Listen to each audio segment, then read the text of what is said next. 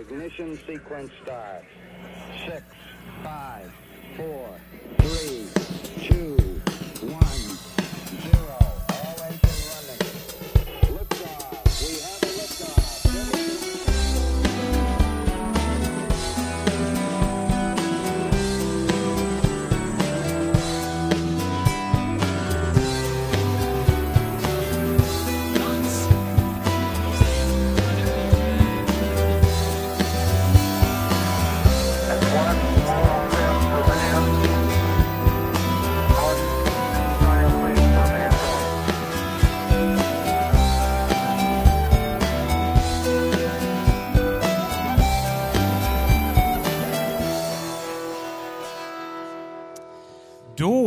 vill jag hälsa alla våra lyssnare och alla våra, ah, hela vår riktiga publik här välkomna till ett extrainsatt avsnitt av Slottspodd som är eh, astronominyheter ifrån Slottsskogsobservatoriet. Idag alldeles live på riktigt med levande människor. Och vi sänder inte som vi brukar göra ifrån observatoriet i Slottsskogen, utan vi sänder ifrån Nordstan mitt i Göteborg under Vetenskapsfestivalen. Och vilka är då vi? Vem är du till exempel Gunnar? Jag är Gunnar då. Det här är Gunnar. Ja, jag eh, är föreståndare på Slottsskogsobservatoriet och eh, annars museipedagog. Och här på min högra sida från ert håll så har vi alltså Katja. Katja Lindblom, visningsledare på Slottsskogsobservatoriet, amatörastronom och nyutexaminerad konstskoleelev. Där ser man. Och jag heter Emanuel, Emanuel Blume, och jag är eh, amatörastronom och producent för det här lilla radioprogrammet som vi sänder varje månad, Slottspodd, med astronominyheter. Och idag så kommer det vara em, lite speciell form eftersom vi sänder live ifrån Nordstan och inte sitter i vårt trygga lilla eh, observatorium i Slottsskogen. Så det kommer vara en eh, lite ovan upplevelse jag, för vår del. Absolut. Men, men, mycket, desto, men desto spännande ändå. Vi har eh, ett antal rubriker vi kommer prata om det här avsnittet.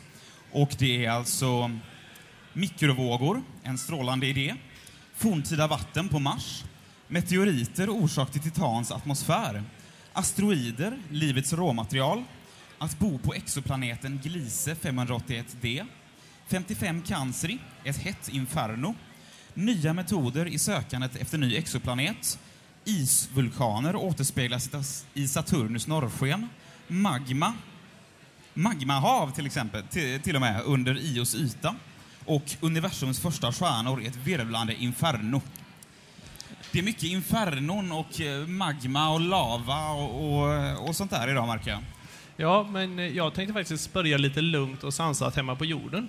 Okej? Ehm, en del av er har säkert sett eh, serien Star Trek. Där pratar man beam me up Scotty, säger de glatt, och så åker de upp där med, inte med, med mikrovågor dock.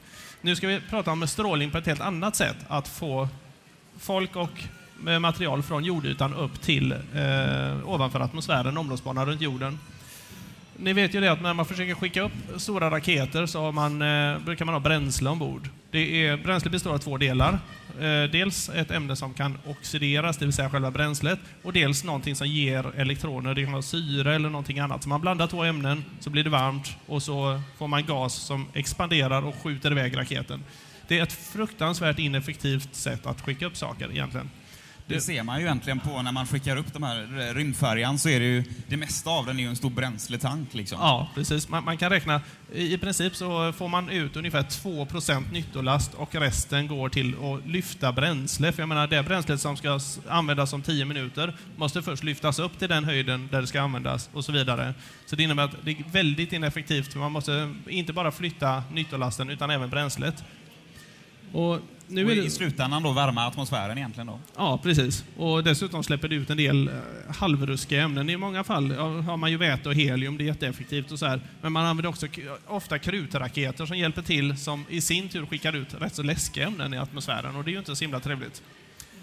Men nu kommer en uh, nygammal idé upp. Det är en man som hette eh, Konstantin Tsiolkovsky som på 1920-talet kom på en lysande idé att om man på något sätt kan ha ett ämne, spelar ingen roll vilket ämne man har, utan eh, något ämne som man värmer upp så det expanderar och så använder man det som drivmedel. Men värmekällan behöver ju faktiskt inte komma från själva bränslet. Utan hans idé var det att om man kan på något sätt forsla energin från en stor station på jorden upp till raketen för att värma bränslet, så eh, slipper man lyfta hela förbränningsanordningen. Som en slang liksom. Ungefär som när man klipper gräset med ja, elgräsklippare. precis. fast med en sladd upp till raketen ungefär. Ja, ja, fast han tänkte ett steg längre. Han tänkte trådlöst. Ah, det är klart. Ja, precis. Så, så hans lilla poäng var så här att om man kan helt enkelt ha en tank där man för ner bränsle. I eh, det här fallet så är det en eh, amerikan som håller på att jobba på det här som heter Kevin Parkin som eh, håller på och eh, bygger i ordning en raket. Han har faktiskt provkört en som gått upp till 76 meter då, så det är inte så mycket att komma med än så länge, men man En jobbar bit på det. kvar till, till eh, rymden så att säga. Ja, vi, vi, vi pratar gärna en omloppsbana på åtminstone 100 kilometer för att det ska vara någon nytta med det och helst ännu högre upp för att få en stabil omloppsbana. Men eh, hans lilla plan är som så här att man kör en eh, mikrovågsstation, en stor radioantenn i princip som skickar ut mikrovågor som en mikrovågsugn. Fast istället för att ha det inne, inne i en låda så skickar man en stråle rakt upp till raketen. Till en början givetvis så står raketen på backen och man börjar underifrån. Men sen ju högre upp den kommer så kommer den här strålen tyvärr inte gå helt rakt utan den sprider sig långsamt i atmosfären. Men kan man bara bygga en raket som är tillräckligt bred, kort och gott, så kan man få den att, eh, att ta emot alla mikrovågorna så man får så lite spill som möjligt. Så de har just nu byggt i ordning en eh, 100 megawatts anläggning. 100 miljoner watt, det är rätt häftigt, det är ordentlig radiosändare. Som man faktiskt baserar på eh, lysdioder, mikrovågor i, eh, i form av lysdioder. Och eh, med det så hoppas man kunna då värma upp vätgas så mycket så att den expanderar och blåser ut med en hastighet som faktiskt blir mycket effektivare. Den kommer blåsa ut med en hastighet av ungefär 7... Nu får jag fuska här. Ehm, nej, jag skrev inte upp det. Jag tror det var ungefär 7, eh, 700 kilometer i... eh, nej, 700 meter i sekunden istället för 3... Väldigt, väldigt fort helt Ja, enkelt. istället för 300-400 meter i sekunden som man har på rymdfärjorna idag.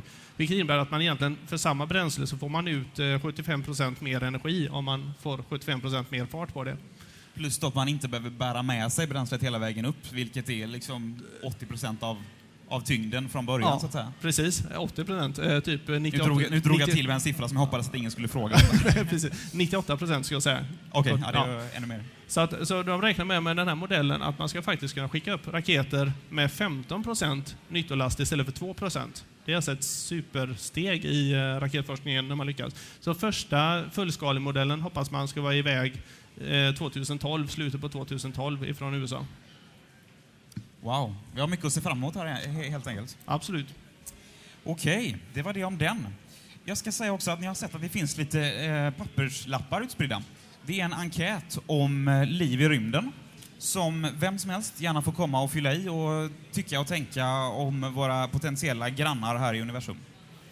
Vi ska fortsätta på vår nästa rubrik som är, handlar om vatten på Mars. Ska vi... Oj, vi har glömt våran lilla... Det har vi gjort. här. Ni kan få läsa titeln efteråt här. Ja, precis.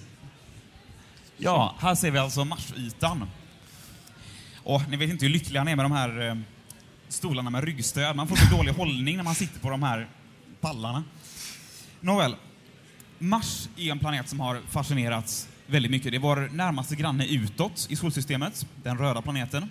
Och den har varit, länge varit sägenomsusad kan man säga av eh, diverse legender och mysterier och tankar om att det skulle finnas vatten där. Många känner ju till de här teorierna om kanaler på Mars som eh, kom till när en italienare, Giovanni Schiaparelli, jag har ingen aning om hur det uttalas, Inte jag heller. Nej, men eh, ingen, ser, ingen ser förolämpad ut i alla fall. Såg lite underliga strukturer på Mars i slutet av 1800-talet. Och då tänkte man att aha, de här strecken och linjerna och grejer, det måste vara någon form av vatten. Och är det så ordnat som det ser ut att vara så måste det vara kanaler, det vill säga att det måste finnas någon form av marsmänniskor som har grävt de här kanalerna för att bevattna sina, sina jordbruksanläggningar till exempel. Och det var också där de här gröna männen, det var alltid män på den tiden, fick sin uppkomst kan man säga. Och eh, sen så insåg man ju så småningom att de här kanalerna var mest ge geografiska eh, olika form formeringar och grejer, så det var inte lika spännande som man hoppades Och, på. och till viss del faktiskt eh, inbyggda fel i hans eget teleskop. Ja, och och lite, lite god vilja, lite sådär ivrig fantasi och sådär skulle man nog kunna säga att det var också. Han blev ju betald för vad han upptäckte så att säga. Det, det är ofta sådär. Men nu har man gjort nya upptäckter. Eh, och man har hittat ett, tittat på ett ställe som heter Turbykratern på Marsytan. Och det är alltså en jättekrater med en diameter på 170 kilometer. Kilometer i timmen, eller på att säga. Det är det inte, utan det är vanliga kilometer. Ehm, på södra halvklotet då på Mars. Och när man tittar på den här bilden, som vi tyvärr inte fick med på vårt lilla bildspel här, så ser man att det finns bäckraviner i kanterna på den här kratern. Och det ser verkligen ut, även för de tränade forskarnas ögon, som att det här är raviner som är skapade av vattenflöden. Och man kan jämföra dem med till exempel när det har runnit vatten i is, isar och sånt på jorden, uppe på Svalbard och sånt där, så är det exakt samma for former. Så det tyder på att det har runnit ganska stora mängder till och med vatten. Den här, den här kratern Mm. är ju 140 kilometer som sagt. Det är, liksom, det är inga små bäckar, utan det är rejäla vattenflöden. Kan ni tänka er någon, eh, någon annan förklaring till att det var ett sån här, sån här bäckraviner skulle kunna uppstå ifrån? Personligen inte med tanke på att det är väl ganska allmänt vedertaget vid det här laget att eh, det har funnits vatten på Mars. Så nej. Gunnar? Ja, jag vet, det talades i början på, eh, 19, eller början på 2000-talet talade man ju faktiskt om att det kunde vara sandras helt enkelt, men det skulle inte ge upphov till raviner på det viset. Man skulle se en del så här, uh, urgröpningar i sluttningarna, men det skulle inte bli en riktig ravin, utan det krävs ju något som Nej, precis. flödar kontinuerligt. Och det stämmer, det finns vissa, jag på att säga tråkiga, vissa, vissa forskare som man kan tycka är tråkigare om man är lagd åt vårt håll, eh, som hävdar att det kan vara sand, ja, sandraviner helt enkelt. Att det, att det har blåst. Mars har ju en tunn atmosfär och det är mycket sand som, sandstormar och grejer som kan ha blåst och ramlat ner då. Men eh, vad det verkar så är de här inte det rätt form för att bli sandraviner, för det blir inte riktigt samma form. Så vad man tror nu är att det faktiskt har funnits stora vattenmängder på Mars, kanske till och med oceaner och hav. Och eh, jag tror vi, tror vi stannar där i den tanken och så hoppar Ja. vi till nästa rubrik. Då ska vi se om vi kommer ihåg den ja. Och det är du va? Japp. Eh, Saturnusmånen Titan är ju någonting som väldigt länge har fascinerat eh, både forskare, amatörastronomer med mera och med mera. Eh, Om ni inte visste varför så beror det här på att det är den enda terrestriala kropp i solsystemet som har en tätare atmosfär frånsett jorden och Venus. Alltså En, den, en terrestrial kropp, det är väl alltså en, en, en sten, Precis. stenbumling ett stenobjekt såsom jorden, Venus, Mars och även de flesta planeters månar. Eh, eh, titan har alltså en väldigt tjock atmosfär som består av ungefär 95% kväve, vilket gör att den väldigt mycket liknar jordens atmosfär en gång i tiden innan det fanns liv här. Eh, nu hur som helst är det ingen som någonsin har riktigt vetat säkert huruvida Titan alltid har haft sin atmosfär eller om det är någonting som har tillkommit senare. Det finns en eh, japansk planetforskare vid Tokyo eh, universitet som heter Yasuhita Sekite, Sekine som kom upp med en teori om det kan, att det kan ha varit så att Titan fick sin atmosfär först under den så kallade sena bombardemangsperioden, vilket inföll för ungefär fyra miljarder år sedan när vårt solsystem bokstavligen bombarderades av planetoider, kometer och annat skräp. Det var väl sånt som fanns i solsystemet som skapades när, Precis. när precis och som eh, innan det blev sån ordning och harmoni så att säga som det är idag så krockade saker och sådär liksom och det var precis i en, i en sväng där som det hände väldigt mycket krockar och, och sånt som kallades då för den sena bombardemangsperioden. Precis. Eh, hans teori går nämligen ut på att eh, kometer, eh, så, ja, främst kometer i och med att eh, det förekommer viss vattenånga med i leken, kan ha frigjort kväve ur ammoniakisen som finns på eh, Titan. Och eh, för att eh, styrka sin teori på något sätt så lät han med hjälp av någon form av laser bombardera frusen ammoniak och vattenis med eh, eh, guld, koppar och platina i olika hastigheter för att eh, testa effekten. Och han kom då fram till att alla kollisioner som var snabba, skedde snabbare än 5,5 eh, Eh, kilometer per sekund frigjorde mycket riktigt ammoniak, eller kväve ur ammoniak, separerade så, således ammoniakmolekylerna eh, så att de delades upp i eh, kväve och väte. Vätet torde ju ha försvunnit ut i rymden eller ingått i andra föreningar, men hur som helst så kvarblev så pass mycket kväve så att Titan kunde ha kvar sin atmosfär, eller rättare sagt bilda en. Anledning hur som helst, för att vi talade just precis om Mars. Eh, Mars har inga förekomster av flytande vatten längre. Det här beror på att Mars har en för tunn atmosfär. Det beror på att Mars är för liten för att bibehålla en atmosfär. Den har alltså inte tillräckligt mycket dragningskraft. Men hur kan då en kropp som Titan, som är mindre än Mars, eh, även om den är eh, Bland de Näst- största månarna i hela solsystemet. Näst väl- störst. Ja, Och- näst störst. Ja, den är större än Merkurius till och med, va? ja, Som är definitivt. en planet. Till och med. Ja, hur som helst så är den liten. Hur kan den då bibehålla en atmosfär om inte Mars kan det? Hemligheten är just att eh, det är väldigt kallt där.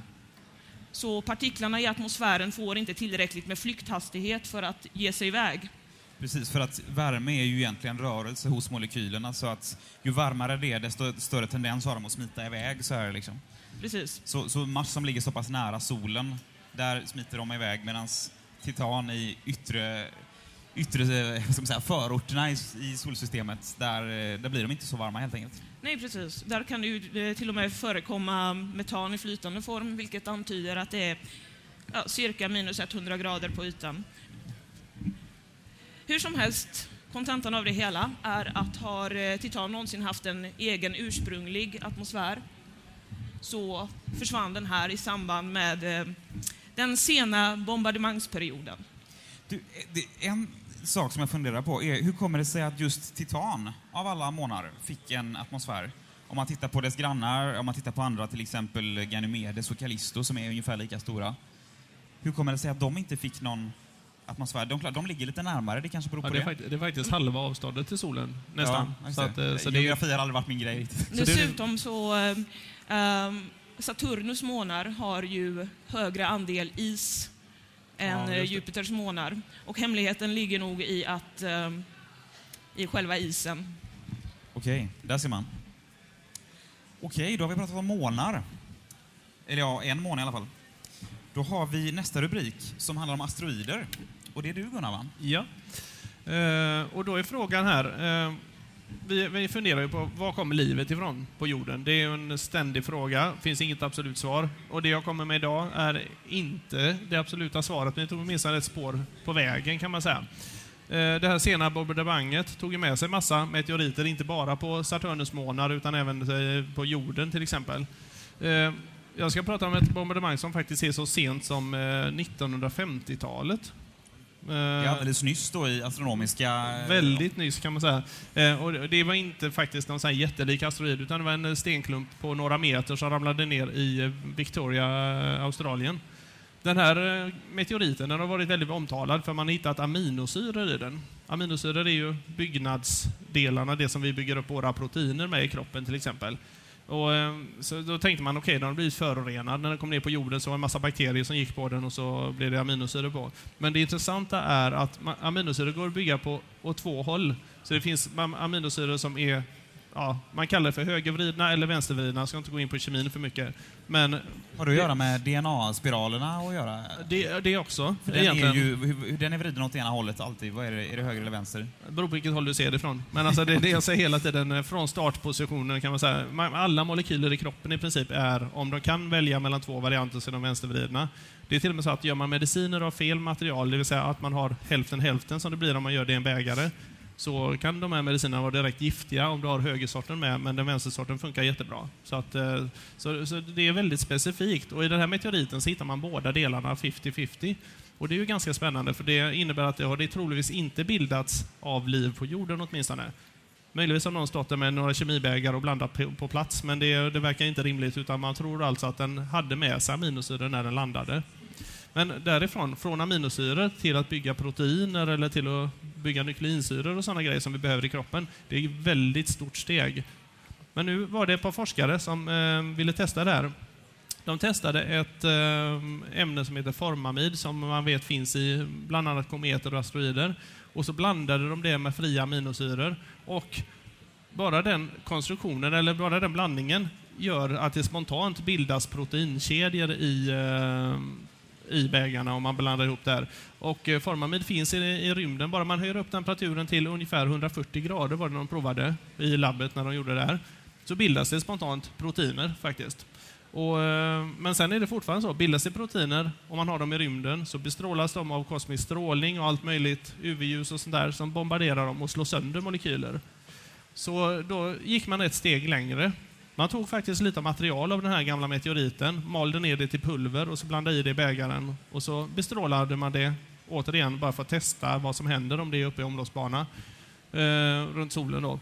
Och konstaterade att de här partiklarna, där, dammet ifrån meteoriten, är tillräckligt mycket skydd faktiskt för att man inte ska eh, slå sönder molekylerna. Så inte nog med att det kan spontant hjälpa till som en katalysator att bilda avancerade molekyler, det kan även skydda de avancerade molekylerna så att de inte, så att de inte skadas av UV-strålning och liknande. Det är ju jättespännande eftersom ett av de stora argumenten emot hur, hur liv skulle kunna bildas på relativt oskyddade himlakroppar är just strålningen ifrån rymden. Både Mm. ifrån stjärnan och ifrån den, den kosmiska strålningen då. Precis. Som kommer att slå sönder. Så fort det kommer en avancerad molekyl så kommer det någon strålning där och Mm. smäller sönder den. Så ehm, ja, det är ett steg på vägen kan man väl säga att man är i alla fall, även om det kanske inte är den absoluta sanningen, så finns det åtminstone någonting som stödjer att liv kanske inte bildades i rymden, men att mycket av byggstenarna faktiskt kommer där utifrån. Det är helt fantastiskt. Då ska vi se vad som händer härnäst. Då har vi alltså... Jo, då ska jag prata om att bo på en exoplanet. En exoplanet är alltså en planet som finns utanför vårt solsystem. Och de senaste 10-15 åren kan man säga har, har man ju börjat hitta explosionsartat mycket exoplaneter i andra solsystem runt andra stjärnor. Och en av de mest, en av kändisarna så att säga, en av de mest spännande är den som vi ser här. Det här är inte ett foto utan det här är en, en, eh, en konstnär som har haft roligt.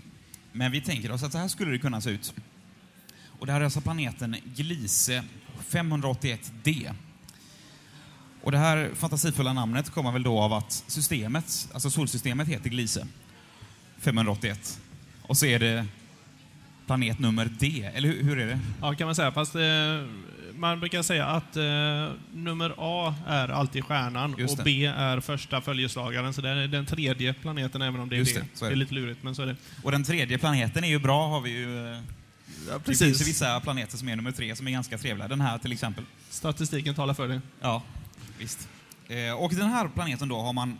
Man blev väldigt, väldigt nyfiken när man hittade den för att den låg på ett väldigt bra avstånd från stjärnan i den så kallade guldlockzonen.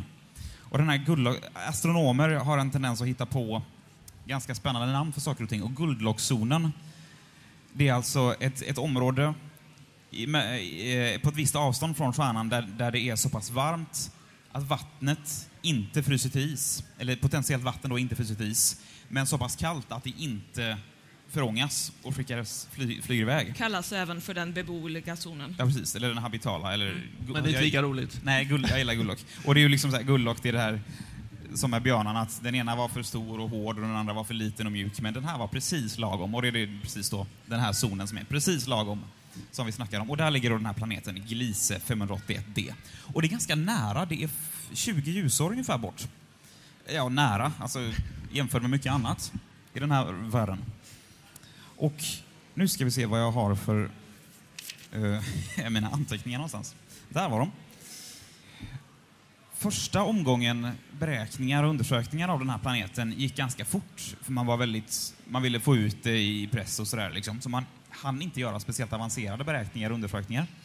Men nu har det gått en liten tid och man har gjort betydligt mer genomtänkta och avancerade eh, grejer och eh, analyser. Och vad man har varit rädd för, det är just det här med att planeten, det här är en stjärna som är mindre än våran sol. Rätta mig om jag har fel, men det är så Mm, tror jag att det är. Så att planeterna måste ligga närmare solen för att bli så pass varma som de behöver bli för att inte vattnet ska frysa. Men ju närmare stjärnan den ligger, desto större risk är det att den, den fastnar i en så kallad, vad säger man på svenska? Bunden rotation. En bunden rotation, precis. Tack. Vilket innebär att, ungefär som med våran måne, när vi tittar upp på månen så säger jag att det är alltid samma, samma sida av månen som ligger emot oss. Och om det då blir samma sak med en planet som kretsar runt en stjärna så innebär det att den ena sidan blir väldigt varm och den andra blir väldigt kall. Och det innebär ju vissa komplikationer, kan man säga. Ganska rejäla sådana. Ja, om man nu vill ha eh, liv och bo där och sådär. Och man vet faktiskt fortfarande inte om den är bundet om den är bunden till en viss rotation eller om den faktiskt roterar. Men vad man har kommit på då i de här nya analyserna är att även om den skulle vara, ha en bunden rotation så kan det vara så att den har så pass tjock atmosfär så att det inte gör någonting. För med en tjock atmosfär, det innebär att ljuset träffar atmosfären, det blåser vindar runt som fördelar värmen runt, i, runt planeten. Så att den här atmosfäriska kollapsen som man brukar tala om, det vill säga att det blir så himla varmt på ena sidan så att där går allting upp i ånga och på andra sidan så fryser allting. Då flyttas, flyttas allting successivt över till den här kalla sidan där det fryser fast och inte rör sig och den andra sidan blir bara en torr öken. Men om atmosfären har en viss tjocklek så kan det vara så att den sprider ut värmen över ytan. Vilket faktiskt gör att inte atmosfären kollapsar utan det faktiskt skulle kunna gå att bo där. Okej. Men vad är då den här eh, tjocka atmosfären? Hur, hur tjock behöver den vara så att säga? Vad, vad tror ni? Jag tänker lite Venus nästan. 80-90 gånger så mycket Mm. som... Och Venus är ju eh, riktigt fet atmosfär kan man Ja, säga. men den har ju nästan bunden rotation. Den har ju ett dygn på, vad är det, 180 dagar, 280 Ja. dagar till och med. Så det innebär ju att det Den går är- väldigt långsamt. Ja, men trots det så är den ju lika varm, nästan lika varm runt hela, även på precis. nattsidan, även om det är natt i... Men, men, men du har fel kan jag säga Gunnar. Har du någon idé Katja? Vad sa du? Har du någon idé om hur tjock den skulle kunna behöva vara? Det kommer nog ta ett tag för mig att eh, framställa en teori här, så du får gärna Ja, fortsätta. okej, okej. Ja, eh, precis. Eh, ungefär tio gånger tjockare än jordens atmosfär Okej. kan man säga. Och det är ju inte... Det är, ju det är inte så mycket Nej, ändå. precis. Ehm, men det beror också lite på vad den är gjord av, den här atmosfären. Om det är mycket koldioxid till exempel. För att Mm. växthuseffekten blir väldigt viktig Ja, i, i det här fallet. Precis. Så att eh, om man har en stor växthuseffekt kan det ju bli så att värmen sprider sig runt och, och liksom pajar alltihop. Men om den är för liten, det är ju precis som på jorden egentligen. Mm. Om den, om den är för liten så, så kan allting frysa. Precis. Så, och ett problem då är att när man tittar på den här stjärnan så, så passerar inte, eller när man tittar på planeten rättare sagt, så passerar den inte framför stjärnan. Utan den, i vårt plan alltså, så vi kan inte titta igenom planetens atmosfär mot stjärnan, för det är ett sätt annars att kunna Mm. avgöra med spektrometri, alltså man kan titta på ljuskurvor och grejer och se vad, vad, vad stjärnan innehåller, vad atmosfären innehåller. Och det kan vi alltså inte göra eftersom den inte går framför. Men eftersom den är så pass nära som 20 ljusår så kan det vara så att, att vi faktiskt kommer kunna lyckas se med nästa generations teleskop till exempel vad det här Mm. innehåller. Spännande. Ja, vi väntar verkligen på de här resultaten. Om ni, om ni undrar varför jag är så eh, smutsig på fingrarna så är det för att jag har min cykelkedja hoppar av på vägen hit. Och eh, ja, men lite olja har aldrig, aldrig dödat någon, det har det visserligen. Men eh, så här lite olja dödar nog inte så många. Då ska vi se, vad har vi sen? Då har vi... Ja. Här har vi en, någonting som jag inte riktigt kan uttala. 55 cancer i E, ett hett inferno. Nu bara vi på alla våra infernon här. Ja, precis. Det här är ytterligare en exoplanet som dessvärre inte är eh, lika intressant eh, som GLIS 580D. Eh, då den här är, ja, för det första är det ingen ny upptäckt, vilket en del källor på sistone har velat framhärda. Utan det som är nytt är att rymdteleskopet Spitzer har börjat studera det lite mer ingående på sistone. Jag kan dra lite kort historik om eh, den här planeten. Den ligger cirka 42 ljusår bort i eh, stjärnbilden Kräftan. Dubbelt så långt bort ungefär alltså som, som Gliese-systemet. Precis. Eh, den är åtta gånger jordens massa och ungefär 60 procent större än jorden. Då den ligger väldigt nära sin stjärna som har det, fått det fantasifulla namnet 55 Cancri A, för att återgå till hur man eh, benämner planeter och stjärnor i eh, Där föll min teori. planeter. Eh, med att B är första planeten och A Ja, är ja, stjärnan. precis. Jag funderar också på det. Glöm Ja. det jag sa då. A är stjärnan. Ja, ja okej. Ah. Bra. Ja. Då reste sig Tack. din teori igen. Ja, bra. Det var helt Strålande. rätt. Ehm, ja, Och cancer kommer då av cancer, alltså kräftan, att den ligger i Kräftan, kräftan framme. precis. Just det. eh, hur som helst så ligger den här planeten väldigt nära stjärnan, som sagt. Vilket innebär att den är väldigt het. Men samtidigt är den väldigt stor och eh, det förbryllade forskarna väldigt länge hur någonting, en eh, stenkropp, kan existera, en så stor stenkropp kan bildas nära sin stjärna.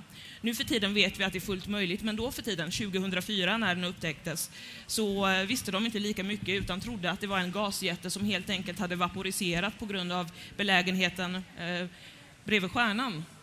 Det går väldigt fort ska vi ju säga. Alltså 2004 till 2011. Det är väldigt mycket i just det här vetenskapsfältet. Ja. Så det är så otroligt mycket som har hänt. Det intressanta är att det är ungefär eh, 2700 grader på ytan där. Så väldigt länge så var det ju inte tal om att ens spekulera i huruvida det fanns någon form av atmosfär där. Det som är intressant nu och det som är den nya faktiska upptäckten är att det kan mycket väl finnas en eh, atmosfär där, åtminstone en tunnare exosfär så kallad. Eh, för att förklara lite vad en exosfär är kan jag jämföra med vår egen måne. Månen har ingen atmosfär som här på jorden, men likväl så finns det luft i åtminstone sådan mängd så att det skulle kunna fylla 33 klassrum eller någonting sådant. Det är en exosfär. Eh, ja, återgå till cancer i 55E så kan den här exo- exosfären i så fall bestå av superhet eh, koldioxid eller kolmonoxid, vilket innebär att det är absolut inte livsbringande på något sätt. Intressant är det, och det som är mer intressant är att eh, följa vad de kommer att komma fram till härnäst. Så här har vi en exoplanet på listan över vad som ska utforskas ytterligare. Det är spännande att den är åtta gånger större än jorden, för den är också en, det är inte en gasplanet va, utan det är en... eh, Det är en stenplanet. Är en stenplanet, ja. Jag kan ju för övrigt berätta om en liten halvrolig teori som eh, någon kom upp för, för kanske nu sex år sedan. Och, och det är att den här planeten skulle bestå av två lager. Eh, vill säga en kärna av järn och sedan ett lager av underjordiskt vatten för att förklara storleken eftersom de inte kunde förklara det på annat sätt eh, än antingen vaporiserad gasjätte eller ja, just den här. Och alltså ovanpå de här, eh, den här manteln av ett sorts hav skulle då finnas en stenskorpa som var otroligt tjock. Nå, man kan vara ganska säker på att det inte existerar med tanke på att de inte har eh, upptäckt någonting liknande någon annanstans. Men vem vet? Ja, precis. Eh, ni lyssnar alltså på Slottspodd som idag sänder live ifrån eh, Nordstan i Göteborg på Vetenskapsfestivalen. Och inte ifrån Observatoriet som vi brukar sända ifrån. Och nästa nyhet här på våran... Vi har en ganska lång lista av nyheter idag, för vi brukar inte prata i så mycket som en timme. Men idag har vi en stor lista av nya nyheter att ta upp. Och nästa på gång nu är alltså nya metoder i sökandet efter nya exoplaneter, som vi ser här. Ja, ja, det vi ser här är ju ingen exoplanet utan faktiskt en högst reell vanlig planet hemma i vårt eget solsystem, eh, ganska nära oss. Är det någon som Eh, känner igen planeten, vilken det är?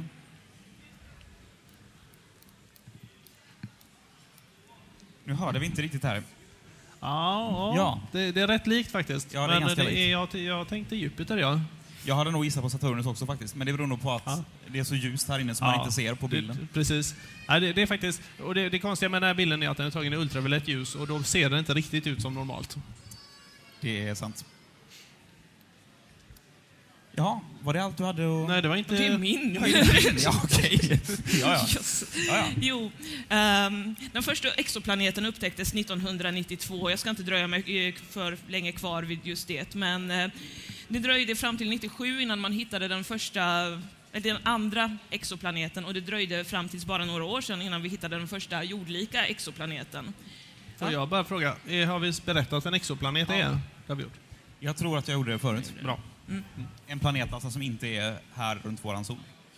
Precis, men bara under det senaste året så har man ju hittat eh, hundratals, tusentals nya exoplaneter eh, med, hjälp av olika metoder. Transitmetoden såväl som eh, rymdteleskop och så vidare. Så man kan ju tänka att när vi har de här fina teleskopen som Spitzer, Kepler och så vidare, vad ska vi med fler metoder till? Um, Man kan aldrig ha för mycket eh, metoder att hitta exoplaneter. nej, definitivt inte. Och nu har de som sagt var kommit på en, ytterligare en. Som går ut på att studera polarskenen på um, ja, extrasolära gasjättar helt enkelt. Och ehm, ja, Jupiter här och eh, samt eh, planeten Saturnus i, vårt solsystem också givetvis, eh, har ju, ehm, där har det här fenomenet påträffats. De har helt enkelt norr och sydsken, precis som här på jorden. Och i likhet med hur norr och sydsken, eller polarsken snarare, uppkommer här på jorden, så rör det sig om kollisioner mellan partiklar. Det är väl partiklar som kommer med solvinden, va? Som letar sig in i, eh, i planeternas magnetfält. Precis.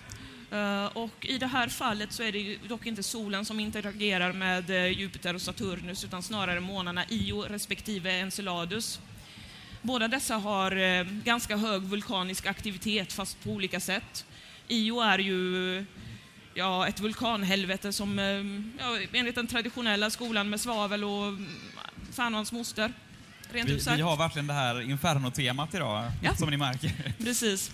Och Enceladus eh, är eh, bemängd med kryovulkaner, det vill säga vulkaner som eh, sprutar ut kall gas snarare än magma och lava och sådant. När partiklarna från de här utbrotten interagerar med planeternas magnetfält så kan det här avläsas med hjälp av eh, radioteleskop. Och det var en britt som upptäckte det här för inte allt för länge sedan. Han använde sig av eh, LOFAR-teleskopet som står för, får jag tjuvkika här också, eh, Low Frequency Array. Det står en miniversion av det här någonstans, tror jag. Ser det inte, men eh, det, Det stod ska här stämma. förut. Ja. Så om ni ser ett teleskop här någonstans så är det det. Ja, det var en parentes. Ja, visst. Eh, och den här metoden har han alltså tänkt sig att använda för upptäckande av eh, extrasolära gasjättar. Här kommer det intressanta. Varför vill man upptäcka extrasolära gasjättar? Alla letar ju efter någonting som liknar jorden, som måhända är beboeligt på ett sätt eller annat. Framförallt allt letar man efter förekomsten av flytande vatten. Men det finns faktiskt en mycket god anledning till varför man ska leta efter gasjättar utanför vårt eget solsystem. Det här beror helt enkelt på att, ja, jag tar exempel att studera vårt eget solsystem. Det är väldigt stabilt med de eh, jordlika planeterna närmast eh, solen och eh, gasjättarna lite längre ut. Och Saturnus och Jupiter spelar extremt stor roll för vårt solsystem. Utan dem hade vi antagligen eh, bombarderats och förintats av diverse asteroider, kometer och sådant för länge sedan. Med tanke på att de här planeterna har så stor dragningskraft att de eh, helt enkelt suger åt sig allt skräp som annars hade kunnat krascha här. De funkar som en sköld helt enkelt egentligen då, som skyddar oss mot allt det här Precis. rymdböset. Så, eh, och Jupiter och Saturnus ligger även förhållandevis långt bort från solen. Sådana planeter kan oftast inte eh, upptäckas i andra solsystem med tanke på att eh, de ligger för långt bort för att eh, kunna observeras med optiska teleskop eller upptäckas genom transitmetoden. Transitmetoden är för övrigt en metod som de använder genom att studera ljuset på en stjärna och variationer i denna. Förmörkas stjärnan eller lyser svagare vid något tillfälle så kan man räkna med att det är någonting som passerar. Men i alla fall, um, avlägs, eh, gasjättar som är avlägsna från sin stjärna kan inte upptäckas på det sättet. Men hur som helst, kan man genom eh, att upptäcka deras eh, eh, polarsken kan man ju också bestämma var de ligger i förhållande till sin stjärna. Och ligger de då långt ifrån har man åtminstone en någorlunda stor anledning att tro att det kan vara ett stjärnsystem som eh, liknar vårt eget. Det vill säga som har samma struktur med mindre planeter närmare stjärnan och de större ytterst. Där ser man. Ja, vi fick precis en, en liten blänkare här om att klockan börjar bli mycket. Mm. Men jag föreslår att vi går igenom det vi har, men det, vi skippar och går in på detaljerna. Och så kan vi säga som så att eh, eventuella frågor, vi finns här några minuter efter Ja. så ni kan komma fram till oss och fråga om ni har några frågor så sparar vi den Det tiden vi. också. Precis. Och det kan nog bli eh, nå- möjligtvis någon tid att ställa någon fråga innan vi är färdiga också. Då ska vi se, nästa rubrik har Ja. vi... Ja, Det här blir kan man säga en liten light-version av Katjas förra tema här. Eh, nämligen exakt samma sak fast i vårt eget solsystem när man började eh, utforska det här. Här ser vi månen Enceladus som eh, är den högra lilla bollen där och så ser vi månen, eller eh, planeten Saturnus. Och exakt det fenomenet som man, man har faktiskt använt det här fenomenet när man sett på Saturnus ser man en liten punkt som lyser i nordskenet som täcker hela norra, eh, ja, norra området på Saturnus som är en liten ring med norrsken, precis som vi har på jorden. Men man har en liten punkt också som inte tillhör det här, men som befinner sig på ett specifikt ställe hela tiden. Gör man lite mätningar på det så kan man följa magnetfältets riktning tillbaka i strömmen så träffar man på precis den punkten där Enceladus är. Vilket är lite spännande för att eh, då måste det komma någonting från Enceladus som fastnar i magnetfältet och sen krockar med Saturnus atmosfär som blir självlysande. Men vad vi istället, eller men vad vi då inte vet är vad är det för något som kommer från Enceladus. Det måste komma någon gas, några laddade partiklar eller någonting. Och det här är faktiskt det ultimata beviset på isvulkaner på Enceladus. Det är nämligen så att på vissa ställen på ytan på Enceladus där har du ett hav med flytande vatten under isen. På vissa ställen på ytan så spricker den och så kommer det ut massa gasformigt vatten. Det är vulkaner. Fast... Andas, Gunnar. Du ska andas Du alltså? pratar som en eh, sportkommentator. Ja, ja, men det, det, det här är spännande. ja, jo, jo, förvisso. Okej. Eh, det blir sprickor ibland i ytan och vulkanutbrott som inte är kanske tusengradig lava utan det är faktiskt fruset vatten och eh, flytande vatten i blandning som kastas upp. Precis som i en vanlig vulkan fast kallare då kan man säga. Och eh, Sen så bestrålas den här gasen som kommer upp ur, eh, ur de här vulkanerna med UV-ljus ifrån solen i det här fallet. Och eh, det lossnar elektroner och andra laddade partiklar som sen fastnar i magnetfältet och krockar med Saturnus. Så det är en direkt uppföljning på din nyhet där. Och inte nog med det, för här kommer ytterligare en uppföljning. Vi gör ett hattrick här med eh, månar och magma och allt vad det kan vara. Det här är Io, som är alltså en Jupitermåne som ligger närmast Jupiter. Eh, Jupitermånarna är ju spännande för de har ofta hav och grejer under ytan. är man nästan, nästan, nästan helt säker på nu alltså. Och vad gäller de andra Jupitermånarna så, så misstänker man vattenhav. Och Io, som ligger närmast Jupiter, tror man nu har en magmaocean under sin yta. Och den här oceanen har man misstänkt ett tag för att Io har en extrem eh, vulkanisk aktivitet. Om man jämför mängden uppkastat magmamaterial på Io med eh, den på jorden, har ni någon aning om ungefär hur många gånger mer det är på Io? Inte den blekaste. Nej, jag märker att ni har inte tänkt på de här grejerna. Vilket inte är så konstigt, som det är jag som pratar om det. Jo, ungefär 100 gånger mer än jorden. Och då ska man tänka på det att Io är pytteliten i jämförelse. Och man har ofta funderat på det, här, var kommer all det här mängden med materialet ifrån? Men nu har man alltså kommit på spåren och hittat den här gigantiska oceanen under ytan. Okej. Och jag tror jag nöjer mig med det där. Och så går vi på vår sista nyhet faktiskt. Ja. Ehm, och det är... Nu drog jag bara till med en bild på massa avlägsna galaxer och så får vi tänka oss tillbaka i tiden ungefär eh, 12 miljarder år. För det var då några speciella stjärnor bildades som en forskargrupp nu har studerat. Där de konstaterar att det finns alldeles för mycket strontium och yttrium. Det är två ämnen som de flesta har väl inte hört talas om säkert. Men, eh, och det är det så, de är ganska ovanliga, men de finns där ute. Och man tror att för att de ska bildas behövs det antingen många generationer med stjärnor, så som i våra solsystem. Vi är ju tredje generationens stjärnstoft, kan man säga. Eller de här stjärnorna som är, eh, föddes för 12 miljarder år sedan, de föddes ju precis i början av universums historia, kan man säga. Vi räknar med att det är 13,7 miljarder år. Och det här är en, ja, 1,7 miljarder år senare. Så, och då måste det på något sätt bildas så här stora mängder yttrium och strontium utan eh, den typen av processer vi känner till idag. Och nu är det en... Eh, Strontium och yttrium, det är väl sånt som bryts ner ganska fort?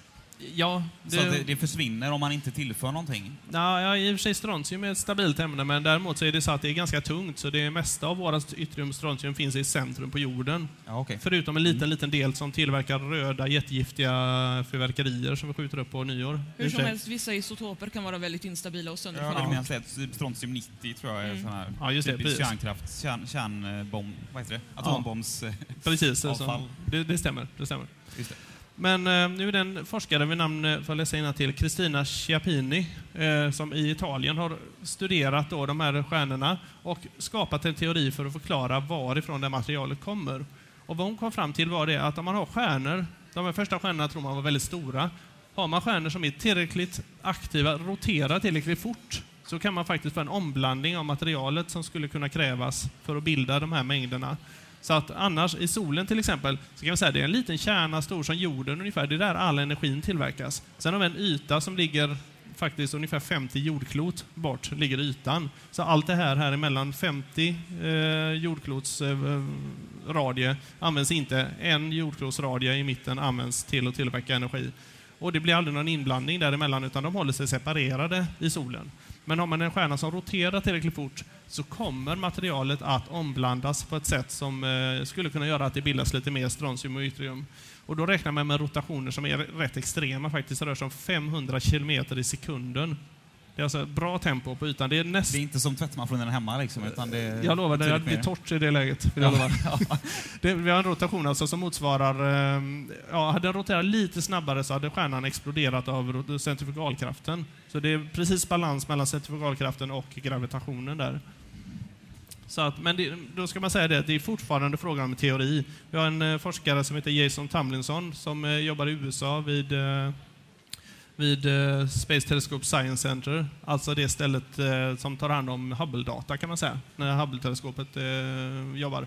Han tror att den här teorin, visst det kan funka, men han sa att den verkar ganska långsökt. Så att om det är så här, det vet vi inte, men det är en teori för att förklara det här mystiska fenomenet.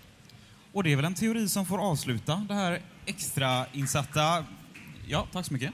Eh, det här extra insatta avsnittet av Slottspodd, Slottspodd Live, som sänder ifrån Nordstan i Göteborg. Tack så mycket. Ja, då tackar vi för oss.